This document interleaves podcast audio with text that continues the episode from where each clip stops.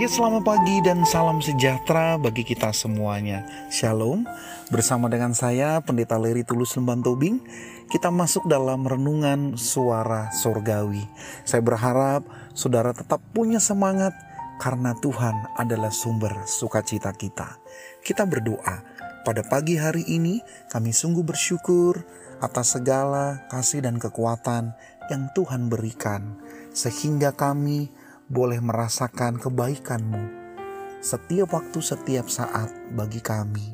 Biarlah pada saat ini kami mau membuka hati untuk diterangi dengan firman Tuhan yang sungguh menguatkan kami. Pimpin kami ya Tuhan, di dalam nama Tuhan Yesus kami berdoa. Amin. Sobat Surgawi, pada saat ini kita akan merenungkan satu tema yang menarik, yaitu menekuni panggilan ilahi. Pernahkah kita membayangkan bahwa saudara dan saya pernah menjadi murid? Karena itu, mari kita mau sama-sama membaca firman Tuhan yang akan menguatkan kita di dalam mengikut kepada Tuhan. Kita membaca dari Injil Matius pasal 4 ayat 18 sampai yang ke-22. Dan ketika Yesus sedang berjalan menyusur danau Galilea, ia melihat dua orang bersaudara, yaitu Simon yang disebut Petrus dan Andreas saudaranya. Mereka sedang menebarkan jala di danau sebab mereka penjala ikan. Yesus berkata kepada mereka, "Mari, ikutlah aku, dan kamu akan kujadikan penjala manusia." Lalu mereka pun segera meninggalkan jalannya dan mengikuti Kristus. Dan setelah Yesus pergi dari sana, dilihatnya pula dua orang bersaudara, yaitu Yakobus anak Zebedius dan Yohanes saudaranya bersama ayah mereka. Zebedius sedang membereskan jala di dalam perahu. Yesus memanggil mereka dan mereka segera meninggalkan perahu serta ayahnya lalu mengikuti dia. Sahabat surgawi, ada sebuah tradisi kerabian di tengah-tengah masyarakat Yahudi di mana setiap orang ketika mau menjadi murid, maka mereka harus datang kepada rabi-rabi Yahudi dan menggabungkan diri untuk mereka menjadi murid. Dan bahkan dikatakan di dalam satu catatan uh, tulisan uh, di abad kedua sebelum Masehi ditemukan bahwa ada sebuah catatan penting yang mengatakan bahwa di dalam sebuah tradisi kerabian Yahudi, seseorang ketika dia mau menjadi seorang pengajar, maka dia harus memenuhi satu standar tertentu.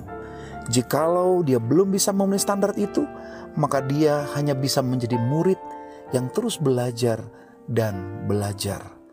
Pagi hari ini kita menemukan satu pola yang indah dan menarik, di mana Tuhan Yesus sendiri yang mencari murid-muridnya.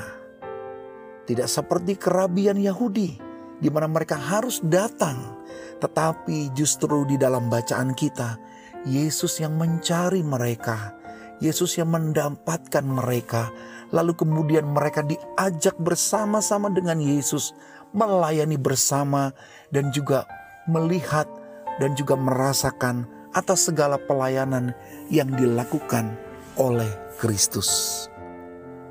Catatan yang penting bagi kita, apakah kita sudah berkomitmen menjadi muridnya? Apakah selama ini kita sungguh merasakan bahwa Allah datang dan menghampiri kita sehingga kita mau berjanji dan berkomitmen untuk menjadi murid yang setia? Jika tidak, maka kita perlu merenung dan bertanya, apakah Tuhan sungguh boleh hadir di dalam hidup kita? Menyapa, memanggil kita lewat teman, sahabat, orang tua, orang-orang yang dekat dengan kita. Atau jangan-jangan kita memang sudah menjadi orang Kristen, tetapi kita tidak merasakan panggilan Tuhan itu terus menyapa dan mengajak kita di dalam mewartakan kasihnya di tengah-tengah hidup kita. Karena itu pagi hari ini ia memanggil kita kembali mengajak kita meninggalkan semua segala hal yang mungkin selama ini menjadi kebanggaan kita. Seperti Paulus ketika mengalami perjumpaan dengan Kristus, maka semuanya dianggap tak berarti.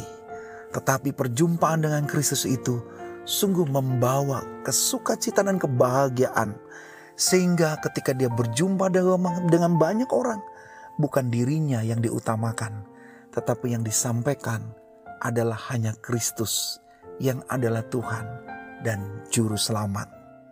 Saya berharap kiranya pada pagi hari ini ketekunan untuk kita terus menghidupi panggilan menjadi muridnya boleh semakin teguh. Apa pun tantangannya, percayalah bahwa Allah ada bersama dengan kita, mengarungi kehidupan, dan Ia selalu menguatkan dan memberkati kita. Tuhan menolong kita di dalam menekuni panggilannya. Amin. Bapa terima kasih untuk firman-Mu. Kami sungguh bersyukur. Kami percaya kalau Tuhan pun tidak hanya memanggil rasul-rasul, tetapi setiap orang untuk menjadi muridmu.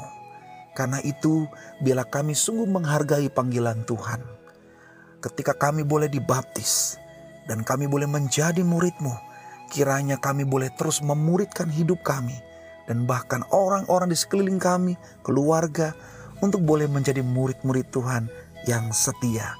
Berkati kata-kata kami, berkati pikiran kami, berkati perbuatan dan tindakan kami, agar semuanya mencerminkan sebagai murid Tuhan yang membawa damai dan sukacita di dalam kehidupan. Pimpin kami di dalam aktivitas hidup ini, apa pun profesi dan pekerjaan kami, kiranya semua itu digeluti dan dimaknai sebagai bentuk untuk kami menjadi murid Tuhan yang sungguh penuh sukacita. Terima kasih Tuhan, di dalam nama Tuhan Yesus, Guru dan juga sahabat kami yang baik. Tuhan memberkati kami. Amin. Selamat beraktivitas dan tetap semangat menjadi muridnya.